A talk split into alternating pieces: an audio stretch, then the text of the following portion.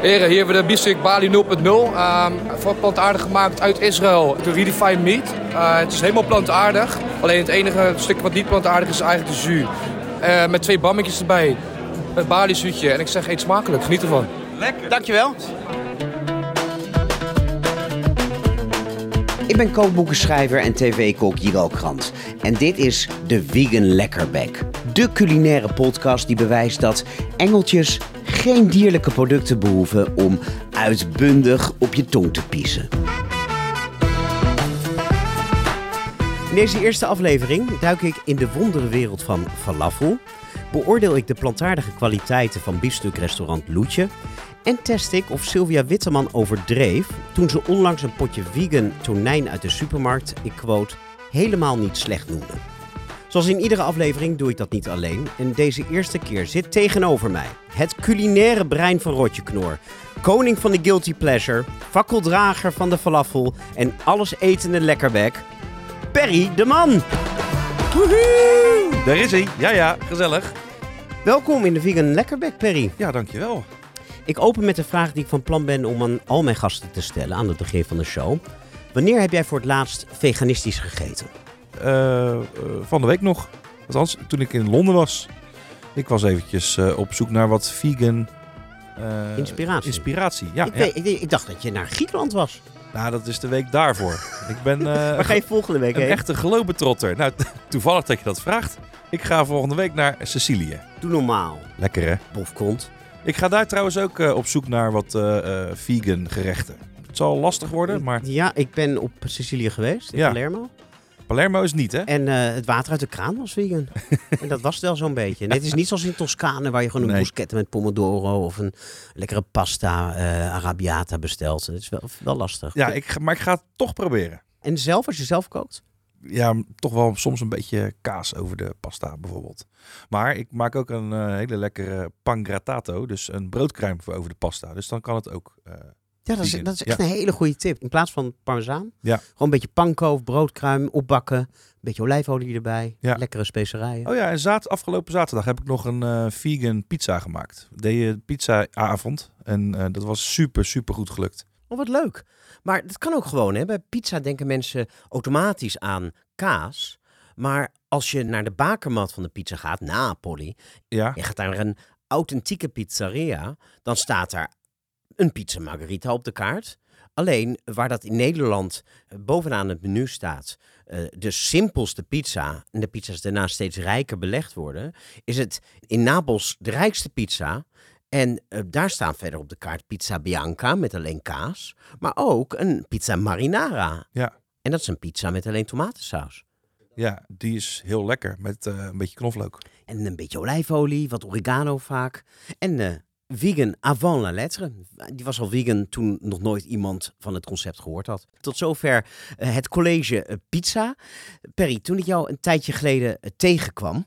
toen streek ik met mijn handen rond de contouren van je weldoorvoede buik. En alsof dat niet al grensoverschrijdend genoeg was... vroeg ik je daarbij welk gedeelte van die pens het gevolg was van plantaardige voeding. En toen antwoordde jij... Mijn navel, dat gaatje. Het gat. Het gat. ja, ja ik, ik, eh, ik eet niet heel veel eh plant-based, maar ik probeer het wel steeds vaker te doen. Is dat dan een uitdaging? Of vind je het eh, belangrijk voor de planeet of toch voor de dieren? Eh, ik denk een, een, een mengeling van alle drie. Voor mij als kok is het zeker een uitdaging. Zeker als, als je ja, toch wel begonnen bent altijd met, met vlees en, en, en vooral kaas en, en eieren, boter. Als je dan plantaardig gaat koken, dat is gewoon een uitdaging. Het is niet moeilijk, maar het is wel eh, lastig om het gewoon standvastig eh, te blijven doen. Ja, ik herken dat wel, want schrijf kookboeken. Mijn eerste kookboek was ook niet eh, veganistisch. Ja. Er staat vlees in, er staat vis in. En toen ik mijn laatste boek ging schrijven, dat helemaal plantaardig was, Ja. vond ik echt die uitdaging. Kan ik dat? Kan ik een goed kookboek maken dat van begin tot eind gewoon lekker is? Ja, wordt het niet eh suf. Ik bedoel, ik ook zelf Indisch, Indonesisch. Ik hou heel erg van die, die garnalen smaak van trassi. En worden smaken dan niet minder? Want dat is eigenlijk wat je als kok doet. Je kookt op smaak. En als je dan ook nog eens plantaardig kan koken En het dan super lekker kan maken. Dat is een uitdaging. Ja, maar het kan heel goed. Ja. Uh, voor mensen die zich nu zitten af te vragen met wie is hier dan aan het lullen? Wie is die gast met het Rotterdamse accent? die moeten je eigenlijk maar even googlen. Want ik weet zeker als ze je zien, dan weten ze meteen wie je bent. Je bent nog een opvallende verschijning. Niet in de laatste plaats vanwege je indrukwekkende verzameling tatoeages. Hoeveel heb je er? Geen idee. Weet nee, je weet ik niet? echt niet. Nee, ik denk 100 plus, denk ik. Nee, het is ook, de, we- zijn eh, sinds eh, enige tijd eh, toch wel bevriend. Ja, En eh je hebt ook wel eens bij me komen eten. Of anderszins afgesproken in Amsterdam. gezellig. En dan ga je altijd eerst even langs in de tattoo shop. Ja, ik heb toch een. eh, het is een eigenaardige eh, verslaving. Ja, ik, ik ja, verzamel tatoeages van verschillende artiesten. En inderdaad, de vorige keer had ik weer een, eh, even een verse laten zetten. Eh, Vandaag niet. Nee, maar eh, de dag is nog vroeg. Het kan altijd Het nog. kan altijd heb, je, heb je gebeuren. culinaire tatoeages? Eh, ja, ik heb er pas één in Barcelona laten zetten. Met een wijntje, gezellig. Ik zie Snoepie je met een glas wijn. Oh ja. Ik heb een kok. Ja, ik weet het eigenlijk niet zo heel goed. Ik heb zoveel tatoeages, soms vergeet ik het wel eens. Eh, je bent televisiekok. Ja. Op 24 Kitchen. Eh, daar was je de helft van het illustere duo Job en Perry. Maar sinds kort ben je solo. En heb je ook weer een show.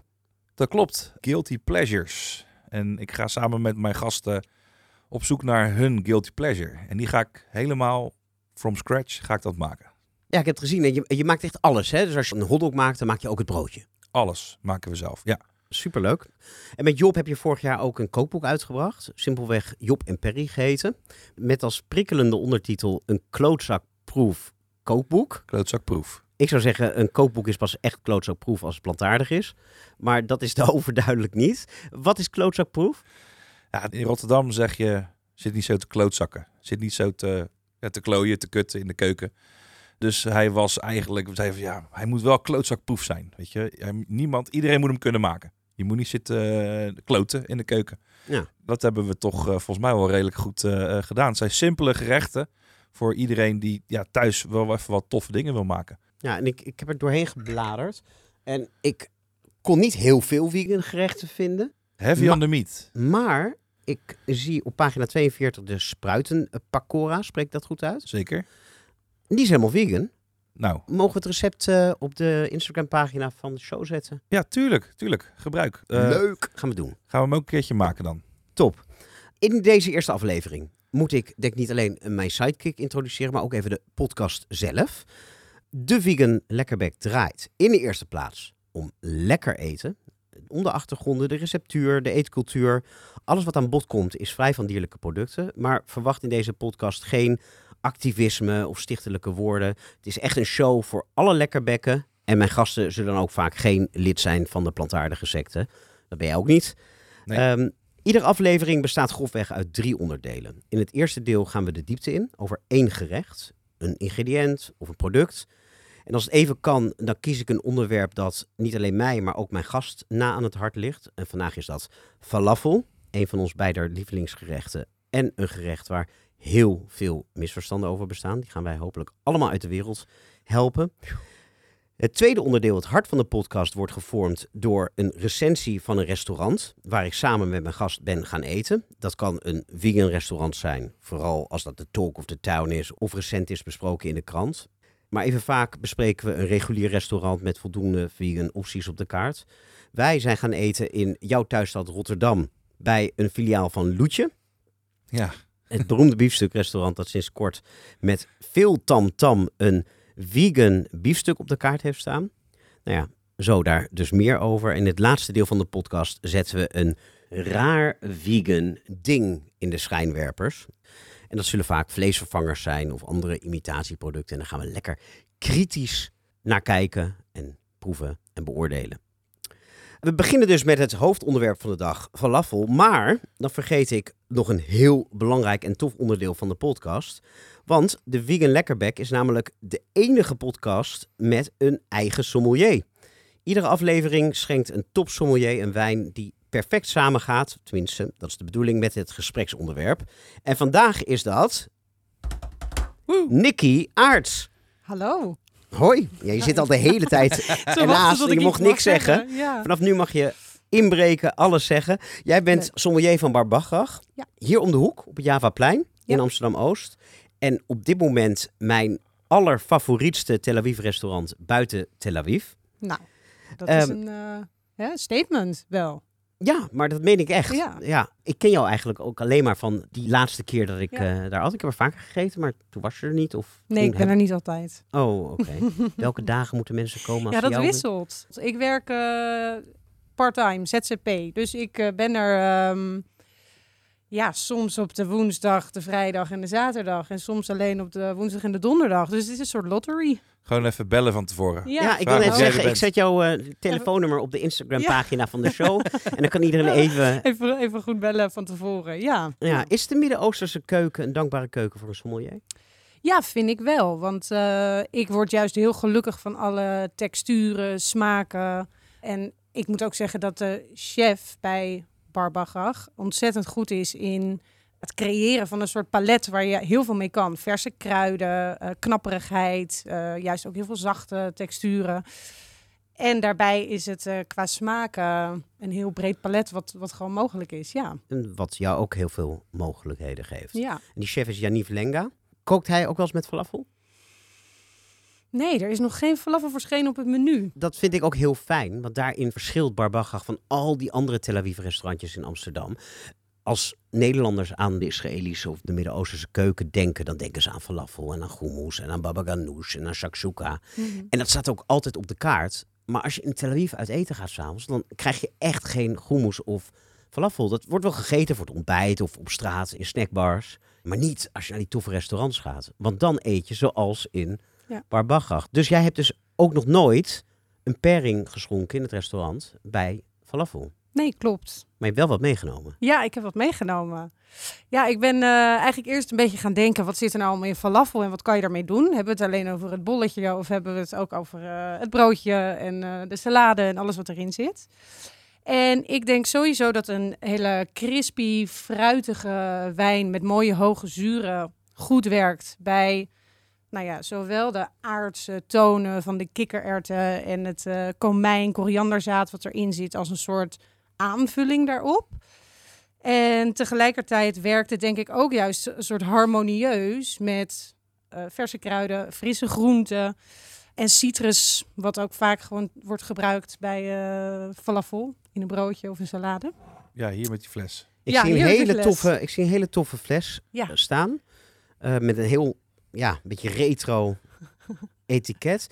En de wijn is overduidelijk natuurwijn, want hij Ja. is troebel. Ja. Daar word ik heel blij van. Ja, hij heeft En jij eh, ook, Perry. Ja, dat, eh, ik ben heel benieuwd. Ik word er ook heel blij van, ja. Ja, want mijn vaste wijnwinkel, Wijnhuis Amsterdam, is een, een wijnwinkel gespecialiseerd in natuurwijn. En die heb ik leren kennen dankzij Perry. Die belde me een keer, hey, ik ben in de winkel, kom even wijn drinken. Ja, dat is wel heel, een hele lange avond. Een hele leuke avond. Ja, Wat voor wijn is het? Het heet bij Blond by Nature. Wat Ja. voor druif is het? Blond by Nature. Het is een eh, blend van een aantal druiven waarvan ik denk dat ze goed gaan sowieso bij de falafel. Sauvignon Blanc en Gruner Veltliner. Is het een eh, Oostenrijkse wijn? Ja, het is een Oostenrijkse wijn uit eh Burgenland. En voor de natuurwijnliefhebbers heb je ook bijvoorbeeld dan eh, Klaus Prezinger. Die, die, dat Ja. is de buurman, zeg maar.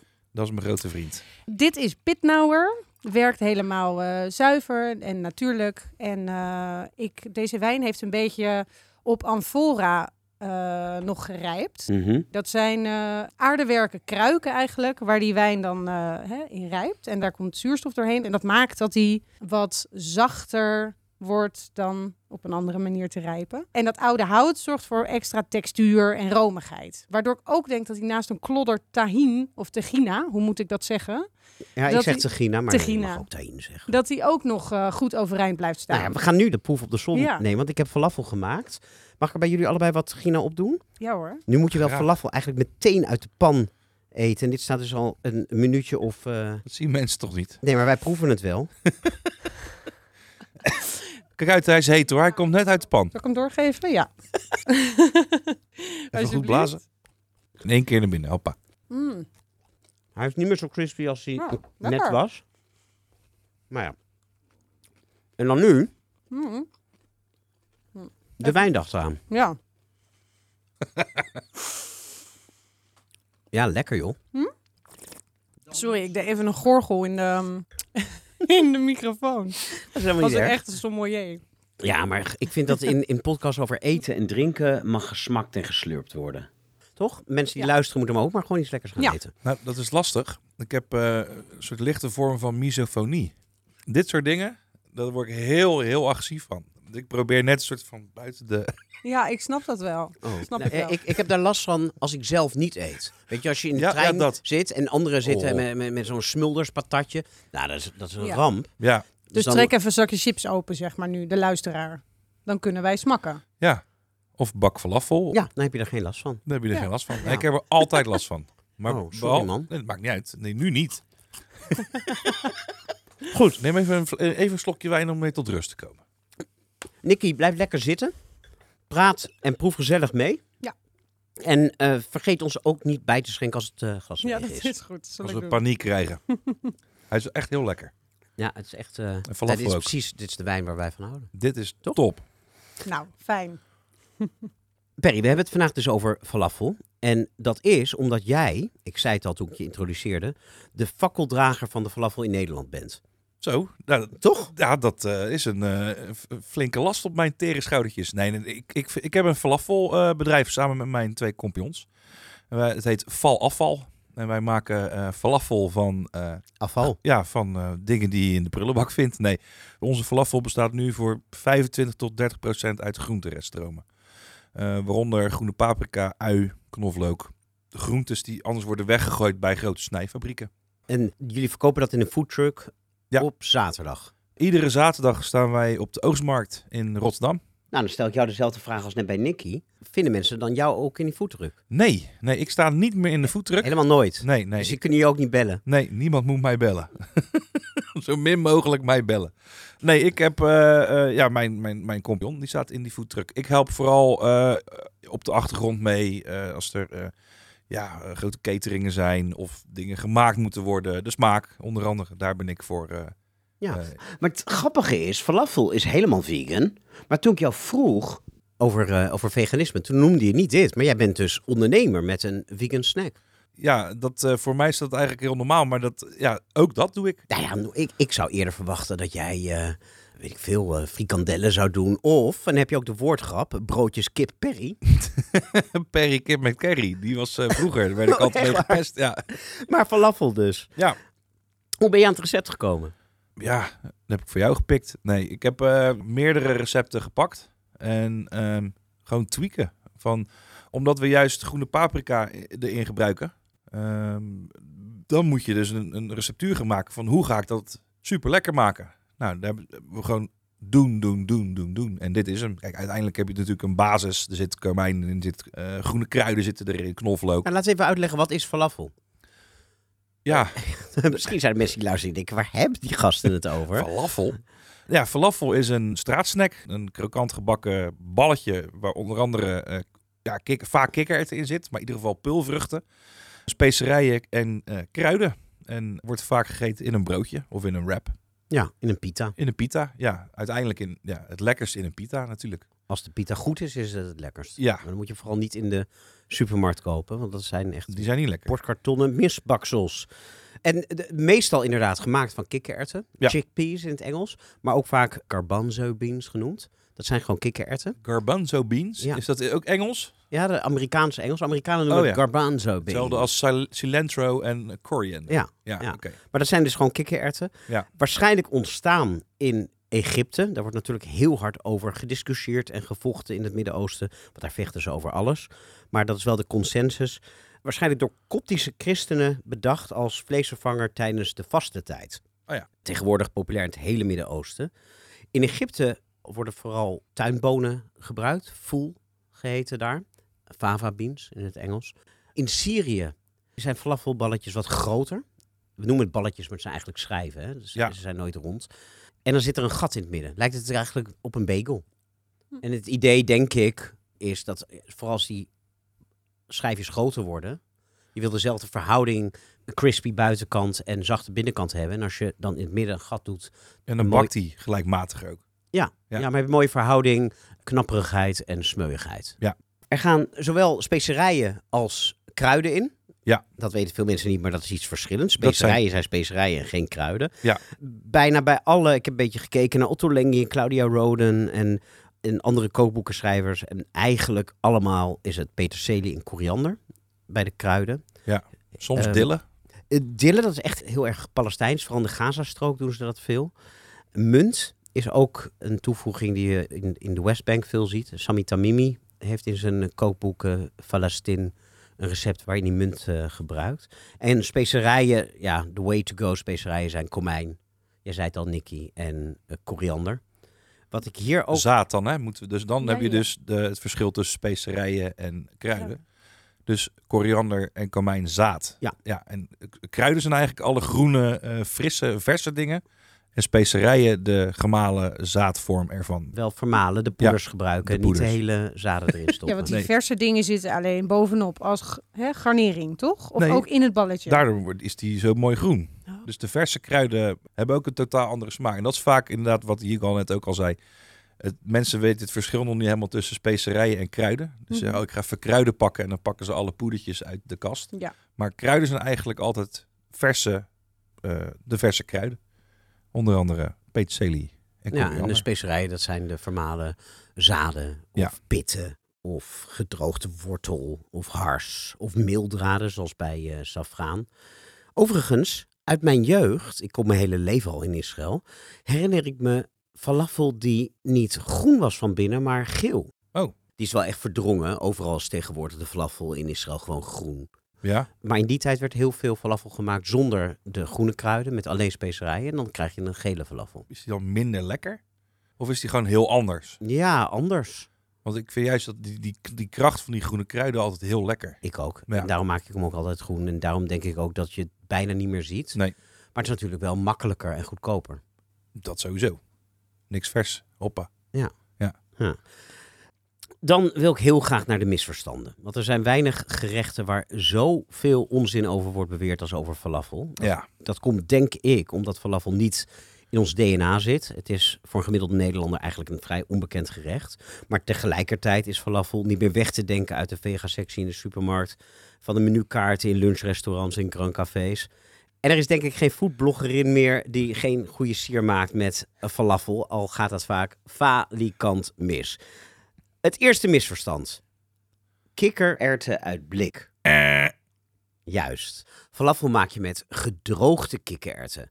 En je moet die gedroogde erwtjes even weken, want anders is het en ongezond en blijven ze keihard. Maar als je ze dan hebt geweekt, dan kunnen ze rechtstreeks de keukenmachine in. Je moet ze ook niet gaan koken, want dan krijg je eigenlijk hetzelfde resultaat als die kikkererwten uit blik. Dan zijn de proteïnes, dat is die, dat schuim dat ontstaat als je het kookt, die zijn allemaal weg. En dan valt het uit elkaar. En dan zie je dus ook heel veel van die foodbloggerinnen stoeien met ei en paneermeel.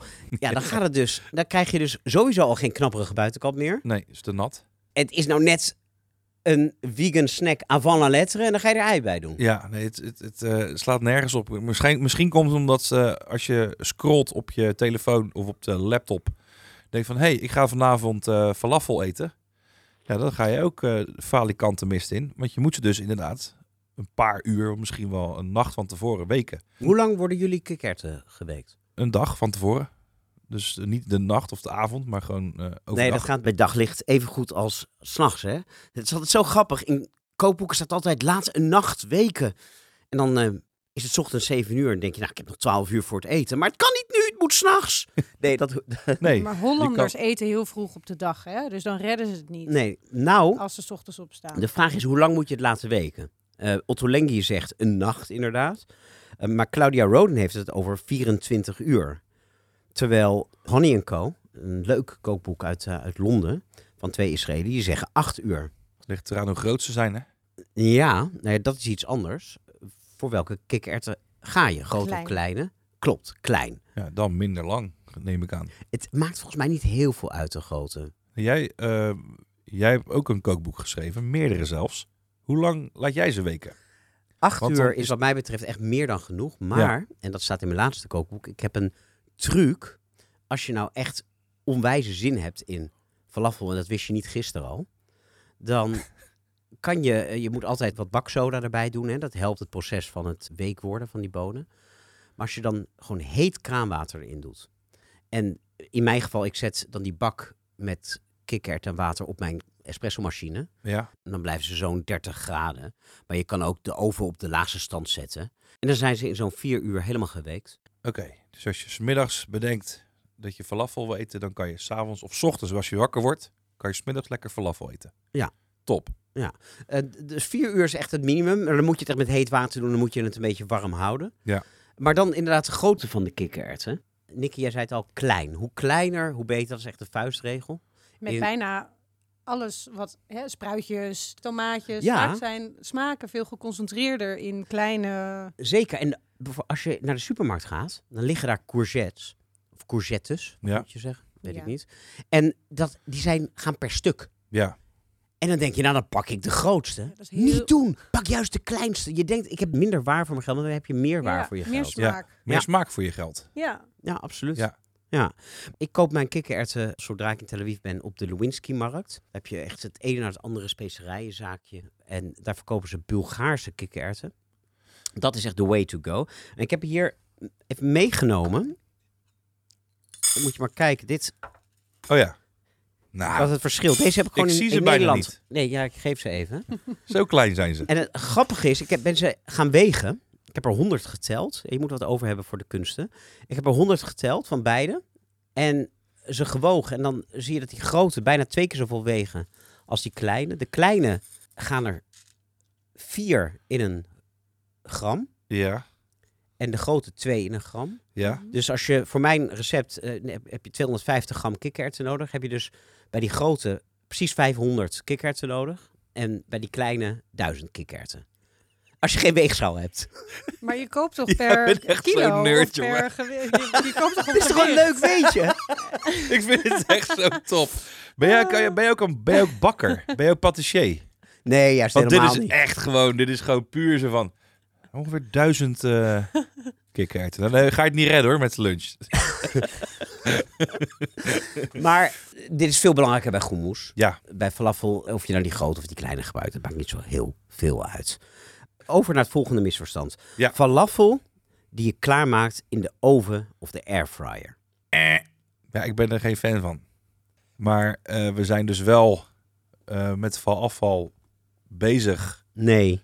met een... eh, ja, er moet een soort overreceptuur komen. Maar Maar waarom moet dat?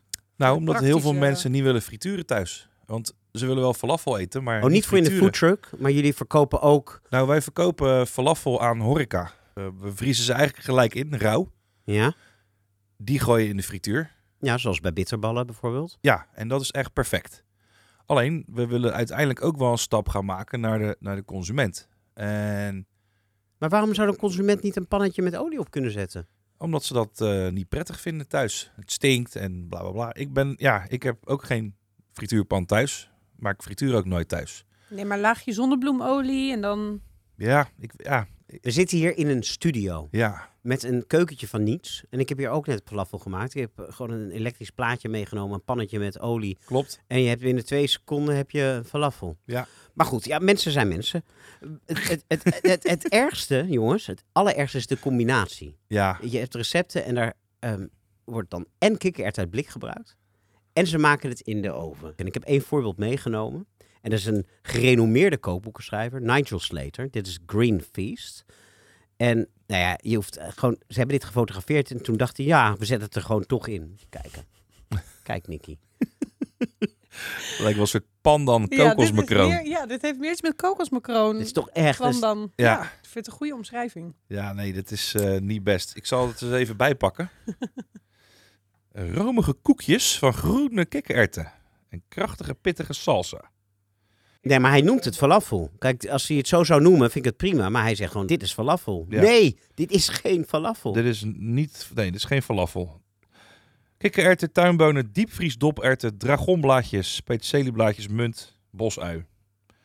Grote pan water aan de kook. Doe de kikkererwten, tuinbonen, Ja. doperwten. Nee, dat is niet La- goed. laten we mensen dit recept besparen. Ja, Maar eh, nee, gewoon even een pannetje met vet op. Zonnebloemolie. In Ja. Tel Aviv wordt vooral canolaolie gebruikt, dus koolzaad. Ja. Eh, maar je kan eigenlijk elke neutrale olie gebruiken. geen reuzel. Nee, geen reuzenhond. Dat is niet meer vegan. Dat gaat maar niet. Ook, het lijkt me ook niet heel, Rijstolie? heel lekker. Ja, als het maar Je hebt toch ook arga- Ja. argide? wel pinda? oppassen met mensen met pindaallergie. Oh ja, dan heb je dat natuurlijk. Maar dat ook. gaat prima. Frituur uw falafel. Nog een misverstand, want er zijn er heel veel. Falafel is droog. Je hoort het mensen heel vaak zeggen. Ik heb zelfs Hasna Bouazza en Petra Possel het horen verzuchten in het Radio 1-programma Manjaren. Het is een hardnekkig misverstand. Ja. En dat komt omdat mensen die falafel maken, die willen er balletjes van vormen. En dat kan alleen als je het falafelbeslag heel droog houdt. Maar falafelbeslag moet juist te vochtig zijn om er balletjes mee te kunnen draaien. Daarom heb je zo'n speciaal falafeltangetje. Hier heb ik er een. Daarmee scoop je wat falafelbeslag op en laat je het zo in de pan vallen. Ja. Maar ja, mensen hebben dat niet of weten dat niet. Je kan het ook gewoon met twee, twee lepeltjes doen. Ja, maar er zijn natuurlijk ook kant-en-klare falafel die ze dan eh, Ja. willen hebben. Dus heel veel mensen die willen dan ook falafel eten en die nemen van die diepvries falafeltjes uit de supermarkt of uit, uit zo'n zak. Nee, maar goed. Die zijn ook da- Daar hebben we het niet eens over. Maar die, mensen oh, die die wel tellen sowieso niet. Nee, die tellen sowieso niet mee. Maar gewoon mensen die hun best doen om zelf falafel te maken. Ja, Die denken, oh, ik moet er falafelballetjes van draaien. Je ziet ook heel vaak in recepten van dat, ze, dat je het weg moet zetten in de ijskast, zodat het kan opstijven. Mm. Om het maar mogelijk te maken om het te draaien. Maar ja, dan ben je geneigd om dat beslag te droog te maken. En dan wordt die falafel droog. Maar als je het beslag lekker goed nat houdt en je gebruikt zo'n tangetje. En je Ja. laat het zo vloep in de olie maar zakken. het werkt eigenlijk altijd. ja, dan is de buitenkant knappig en de binnenkant lekker smeuig. Ja, geweldige kikkererwten. Het is geen gekookte uit een blik. En gewoon een beetje nat beslag. Gewoon even oefenen. Dat kan eigenlijk niet fout gaan. Je moet ook niet te lang draaien aan zo'n balletje. Want volgens mij is dat net als dat je een taart bakt. Als je te lang in zo'n deeg gaat kneden, dan wordt het dus ook droog, de uitkomst uiteindelijk. Je moet helemaal niet kneden. Je Nee, moet gewoon een tangetje. Of een ijsschep kan ook nog eventueel. Zo'n klein ijsschepje, een balletje. Ja. Of kanelles maken. Ja, met een lepel. Ja, dat moet je, die moet je wel even oefenen. Ja, maar ze hoeven niet zo heel mooi gelijkmatig rond te zijn. Want je duwt ze toch in een pita. Want dat Ja. is hoe je falafel eet. Eh, hoe doen jullie het eigenlijk in de foodtruck? Nou, wij gebruiken... Wij oh ja, dus ze voor- bevroren. Dus je kan je ze gewoon zo erin laten vallen. Ja, we duwen ze in de mal. Die mal gaat uit. Dat gaat in de grote vriezer. En wij hebben ze altijd bevroren. Dus zo hou je eigenlijk gewoon wel je kwaliteit constant. Ja, het is gek. Werkt echt perfect. En hoe, want ik maak mijn falafel best wel... Ook, ook mensen zijn geneigd, ja, lekker grof. Want dan heb je nog iets om op te kouwen.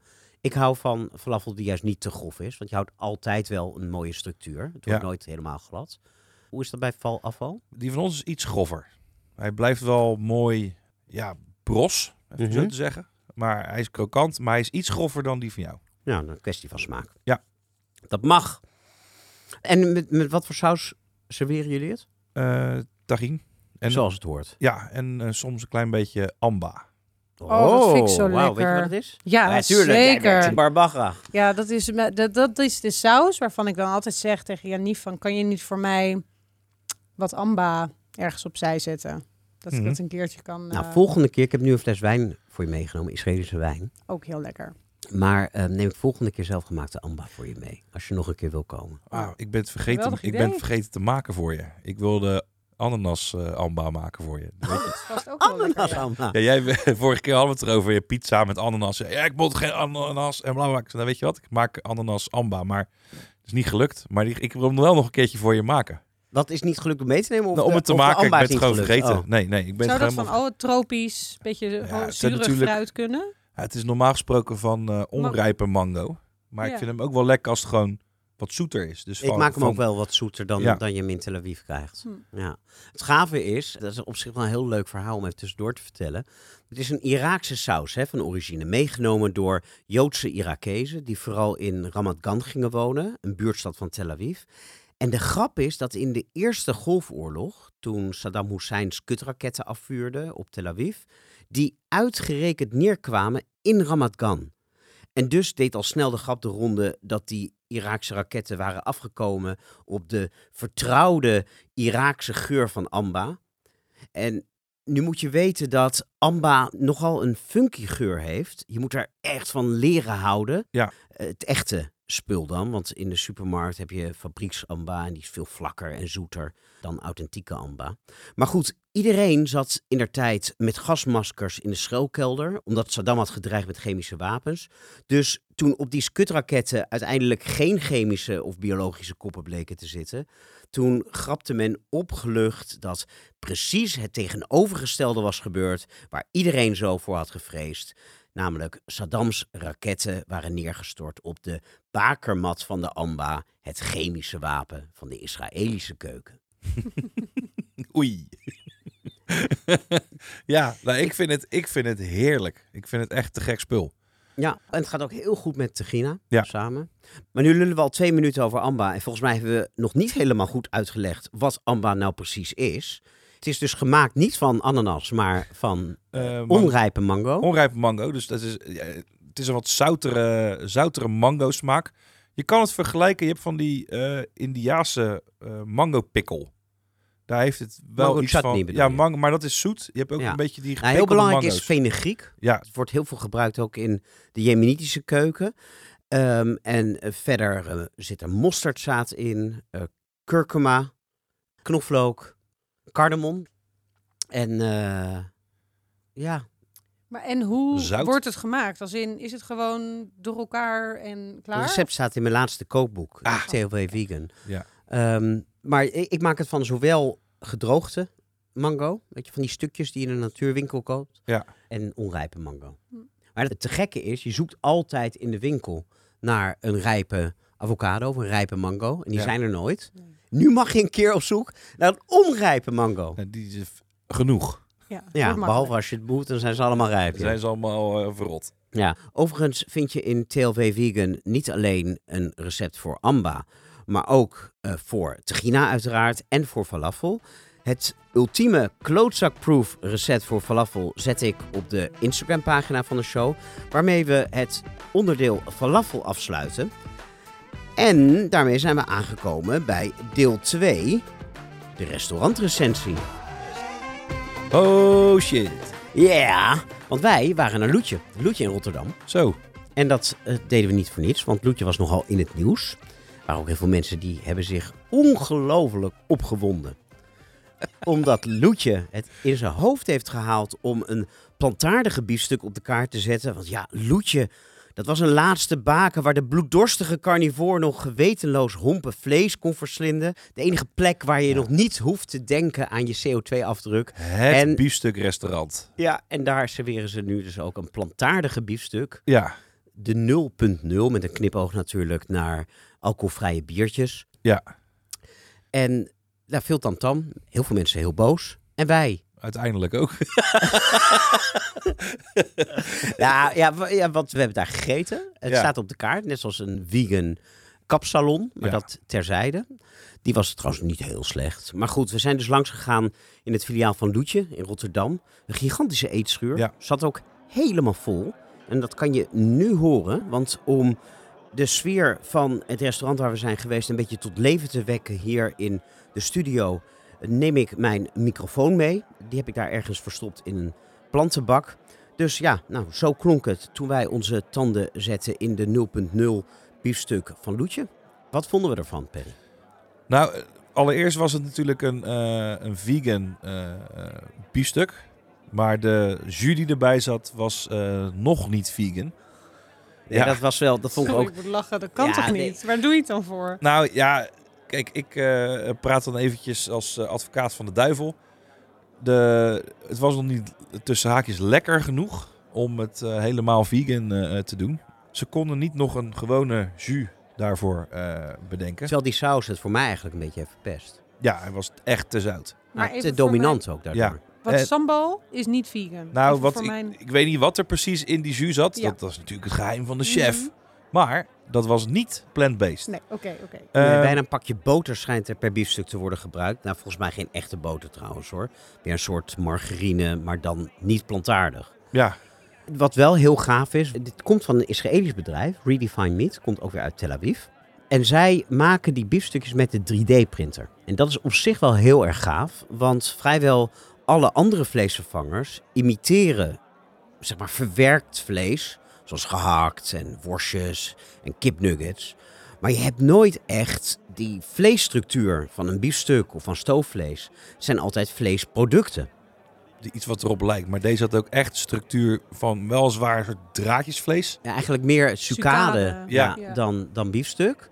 Dat was wel heel gaaf. En tussen die draadjes zit dan ook wat vet, zoals in het echt. Dus ik vond dat wel heel erg gaaf. Die saus was echt, zowel omdat het niet vegan was, als omdat het zo zout was, was echt too much. Ja, ik lust echt wel zout. Maar dit, is, dit was eh, heftig. Ja, nu kan Redefine Meat er op zich natuurlijk ook niet zoveel aan doen dat hun product zo beroerd wordt opgediend door Loetje. Want op zich hebben ze wel een heel mooi product in de markt gezet, vind ik. Wat ook door veel meer restaurants op de kaart is gezet. Ook hier in Nederland. Ron Blauw, toch niet de minste, kookt ermee. Eh, bij Neni, die maakt uh, arayes. Dus een pita gevuld met gehakt, wat dan op de grill gaat. Maar Eh. alleen voor horeca nog, niet voor de consument. Zeg. maar. Nog, ja, Ja. Want ze willen dat wel gaan doen. Maar ze willen het eerst exclusief wegzetten in de horeca. En dit wordt nog 3D-print in Tel Aviv. En vandaar ingevlogen naar Nederland. Mhm. Dus als je vegan bent vanwege het milieu... dan kan je die 0.0 biefstuk sowieso beter aan je voorbij laten gaan. Er is inmiddels een, geloof ik, een vleesfabriek overgenomen in Best... bij Eindhoven. Oké. Maar heel veel regelgeving, bureaucratie. Maar as we speak gaan ze daar beginnen met de productie. Met eh, printen. Met printen. Ja, en dan kunnen we dat misschien binnenkort ook in de, in de winkel kopen. En thuis ben je niet verplicht om het te serveren met een bali-saus. Nee, want we gingen het uiteindelijk ook wel een beetje... Die baliesaus hebben we eraf gespoeld. Nee. en toen hebben we toch even gekeken naar de smaak, maar ook vooral naar de structuur. En dat maakt het wel heel interessant. Dat je kan er echt hele toffe dingen mee doen. Daar ben ik echt wel van overtuigd. Ja. Het is ook voor koks heel handig, want ze zijn allemaal even groot. Dus de porties zijn allemaal even groot. Uiteindelijk is dat eh, eh, voor de keuken ook wel erg belangrijk. Maar ja, er mocht wel iets meer, eh, er mocht wel iets meer smaak Ja. bij, vond ik. Los van Dat was nog steeds een beetje, de, de biefstuk zelf, zeg maar. Ja, de biefstuk ja, zelf. Ja, ja, ja. Wat ze, ja, je kan er gewoon een prakkie mee maken eigenlijk. Dat zou wel lekker zijn. Dus niet voor herhaling vatbaar. Nee, nee, nee, nee. Sowieso. ja, ik vond die kapsalon trouwens ook niet lekker. Het was een, een plant-based kapsalon. Er zat geen sla bij. Hij was niet ranzig genoeg. Nee, joh, kapsalon moet je inderdaad eh, met één oog dronken ergens in een, eh, aan je tafel om zes uur s ochtends eten. Maar niet in een. we waren wel dronken. nog lang niet. nee. Totaal niet. Misschien hadden we dan wat milder geoordeeld over die 0.0 biefstuk van Loetje. En nu gaan we opnieuw een vegan gerechtje proeven. Misschien moeten we Perry nog wat wijn inschenken. Het glas is leeg, Nicky. Ja, Oh ja. kom eens even hier met die fles. Zit er nog wat in? Ja. Oh, En Beetje over de rand. Het is al het tweede glaasje. ja, dat gaat vanzelf. dus even kapsalon halen zo. Heerlijk. Wil jij ook nog een beetje? Heel graag. Klunk. Alles gaat helemaal fout. Mag ik de fles Hij is even op, zien? mensen. Zeker. Want Oostenrijk, daar komen wel toevallig mijn favoriete wijnen vandaan. Is dat zo? Ja? Ja. Nou, wil je deze wijn ook in huis halen? Dat kan. Ik zet een plaatje van de fles op de Instagram-pagina van de show. En als je nou in een of ander boerengehucht woont in een ver afgelegen polder... en je hebt geen wijnwinkel in de buurt... dan neem ik aan dat je hem ook gewoon online kan bestellen. Zeker. Voor bij de falafel. Zijn we aangekomen bij misschien wel mijn favoriete onderdeel van de show... het vegan ding. Vegan ding. het vegan ding. We bekijken elke aflevering een noviteit uit de supermarkt. Vaak vleesvervangers, iets vegans. Ik heb nu meegenomen dit potje. Olvarit. Zo ziet het er een beetje uit, hè? Je zou eigenlijk verwachten dat het in een blik zou zitten en niet in een potje, want het is vegan tonijn van het merk Garden Gourmet. Alsjeblieft. Ehm, heel afstotelijk Vuna geheten. Ik had het eigenlijk nooit een blik waardig gegund in de supermarkt, omdat ik echt zeker wist dat het niet lekker kon zijn. Totdat de door mij zeer gewaardeerde columnist en kookboekenschrijver Sylvia Witteman twitterde dat ze deze vegan tonijn uit nieuwsgierigheid had geprobeerd en dat ze het lang niet slecht vond. En vergis je niet, dat kwam uit de mond van dezelfde Sylvia Witteman die ooit het kookboek Het Lekkerste Dier schreef met als centrale thema Hoe bekeer je een vegetariër? yeah. Dus niet iemand die per se een lans breekt voor het veganisme. Dus mijn interesse was gewekt. Ja. Ik ben dit potje gaan kopen. Ik maakte het open. Nou ja, ik zeg niks. Mag doe het het, even. Ja, doe het. Even met die eh sommelier neus erin. Oh ja, dit Ja. is zelfs echt die bonito tonijn, zeg maar. Echt die lekkere witte tonijn ruikt hij naar. Nou, ik doe mij dus heel erg denken aan die eh vispaté. Oh ja, ja. Of kattenvoer. Maar een van de twee. Maar dat, eh, dat laten we in het midden. Nou, het ruikt heel vissig. Bijna een Ja. beetje te vissig. Ja, ik ben echt benieuwd hoe ze dat er dan in hebben gekregen. Ook daar hebben we weer een thema deze uitzending. Het wordt gemaakt vooral van kikkerten. Hey. Oh, ja. Maar die, die geur. Niet normaal, hè? Ja. ja ik uh, smeer dit gewoon op mijn boterhammetje hoor. Mag ik dit Nee, ik heb wat Oh, gemaakt. Ik het heb doen. In mijn eerste kookboek, dat dus geen vegan kookboek was, zoals ik al vertelde, staat een recept voor een tonijnsalade. Die je eet in een pita. Ik heb net even een pita in de rooster gedaan, dus ik moet even lullen, want die Hm. moet nog even een halve minuut. Geeft me mooi de gelegenheid om te vertellen waarmee ik de Vuna heb aangemaakt. Ik zal het receptje ook online zetten. Eens even kijken. ehm lenteui, wat Granny Smith, eh, groene olijven, een groen chilipepertje. Lekker pittig is hij. Kappertjes, Dijon mosterd, mayo, in dit geval vegan mayo. En het geheime ingrediënt, ribbelchips. Zodat het in die fluweelzachte pita niet een al te kleffe bedoeling wordt. Lekker wat crunch. Oh. Ja, zodat je wat crunch hebt. Van de chippies. Van de chippies. Wel even controleren natuurlijk of die vegan zijn. Hey. Perfecte timing dit. Ik vul voor jullie allebei een halve pita. Zo. Zo. Nou, we gaan niet met honger naar huis. Nee. Kijk. Oeh, brand mijn handen. Oké, ik, let- ik ga het even vertellen. Hij is nu de pita... eh, door de helft heeft hij hem netjes gesneden. Want zo kan je hem heel mooi vullen. Hij is in ieder geval... Hij is nu op zoek, naar, naar een lepel. Oh, in dat bakje heb je de, eh Dit de voorbereid. salade. Ja, voorbereid de- thuis. Ja, die heb ik thuis alvast gemaakt. De Vuna salad. Oh. Dank je Frank. Frank doet de techniek. Ja, en eh, lepels brengen. Kijk, dit is ook echt een super recept voor als je in het park gaat zitten. Ja, denk ik wel. Zoek alleen nog erbij. een toaster. Kijk, chippy erin. Oh. Nou, deze is voor jou. Niet wachten. Geluidje erbij? Dit Nee, cruncht wordt wel namelijk. Ja, dit, is, dit zijn wel eetgeluiden. Koptelefoon is af. Nou, Ja, als er maar genoeg vegan mayonaise in zit. Dat is ook mijn maat. Vind ik ook echt heel lekker trouwens, vegan mayo. Ja, maar die, dat ei, dat is vooral een emulgator. Ja. En niet zozeer voor de smaak.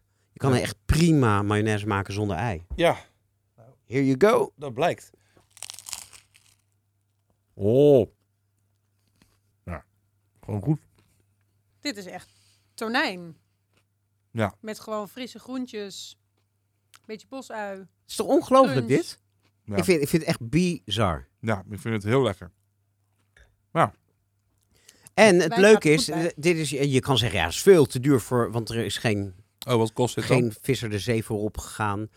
Maar er zit misschien wel heel veel research in. Maar dit kost 22 euro per kilo. Oh, ik dacht per potje, joh. Maar als je gaat kijken naar echte tonijn, dat zit een beetje tussen 23 euro en 30 euro in. Ligt er een beetje aan het merk en aan de grootte van de, van Verse de tonijn. porties. Nee, tonijn in blik Ja, is 23 tot 30 euro. ja. En dit is 22 euro. Alsof ze het ervoor hebben gedaan. Ik vind het, eh, als je dan eh, plantaardig wil eten, moet je gewoon dit Ja? nemen. Echt top. En het doet echt niks onder aan eh eh, tonijn uit blik. Ik ga, er even, Nee. ik ga er even dit broodje opeten, maar ik wil hem ook nog even uit het potje proeven. Want ik vind eigenlijk tonijn uit blik altijd vaak zo Ja, een beetje droog. droog op je, aan de zijkant echt van je tong, weet je wel. Als je dat gewoon alleen zo uit blikje eet. Alsof je kattentong, weet Ja. je wel? Zo'n lik van een kattentong. Ja. Zo voelt dat. Ja, Ik snap wel wat je bedoelt. Dus ik wil even weten hoe die structuur is. Misschien is dit gewoon in alle opzichten beter. nou ja, probeer. Ik neem eens eerst even wat happen. Oh nee, pot open. Dus, eh, want eh, geloof Oh, me, ja. eh, eh, luisteraars, we gaan echt wel eh, kritisch zijn. Het is allemaal niet even lekker wat je kan krijgen in het veganschap. Maar dit is dus echt wel een goeie. Een betere structuur dan een eh Echt bliktonijn. Oh. Nou, Ja, ik ben eh, mede-fan. we zijn fan. Eh, ja, nou, dus- dan zijn we eh, min of meer aangekomen. aan Garde het Gourmet, eind- hier met je geld. Ja, gast, ben ik aan het afsluiten. Ik moest hem nog even zeggen.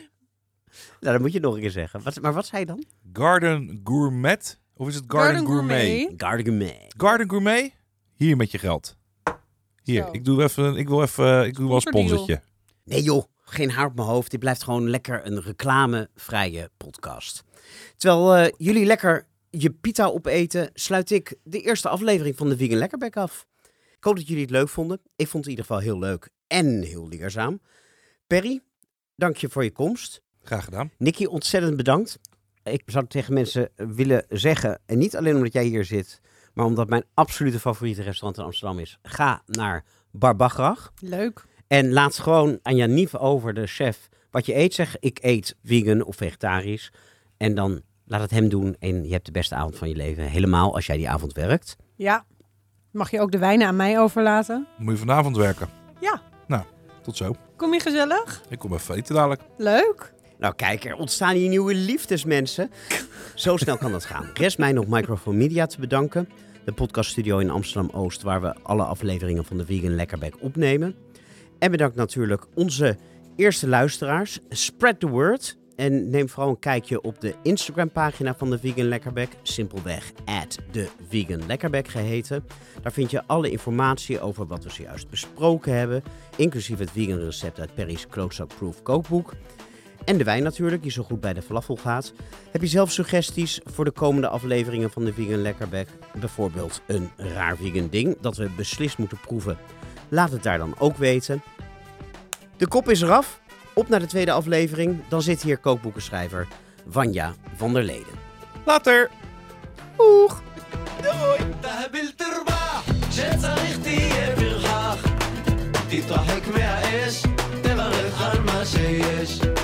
תתחבר ללב, אל תשחרר את הכאב.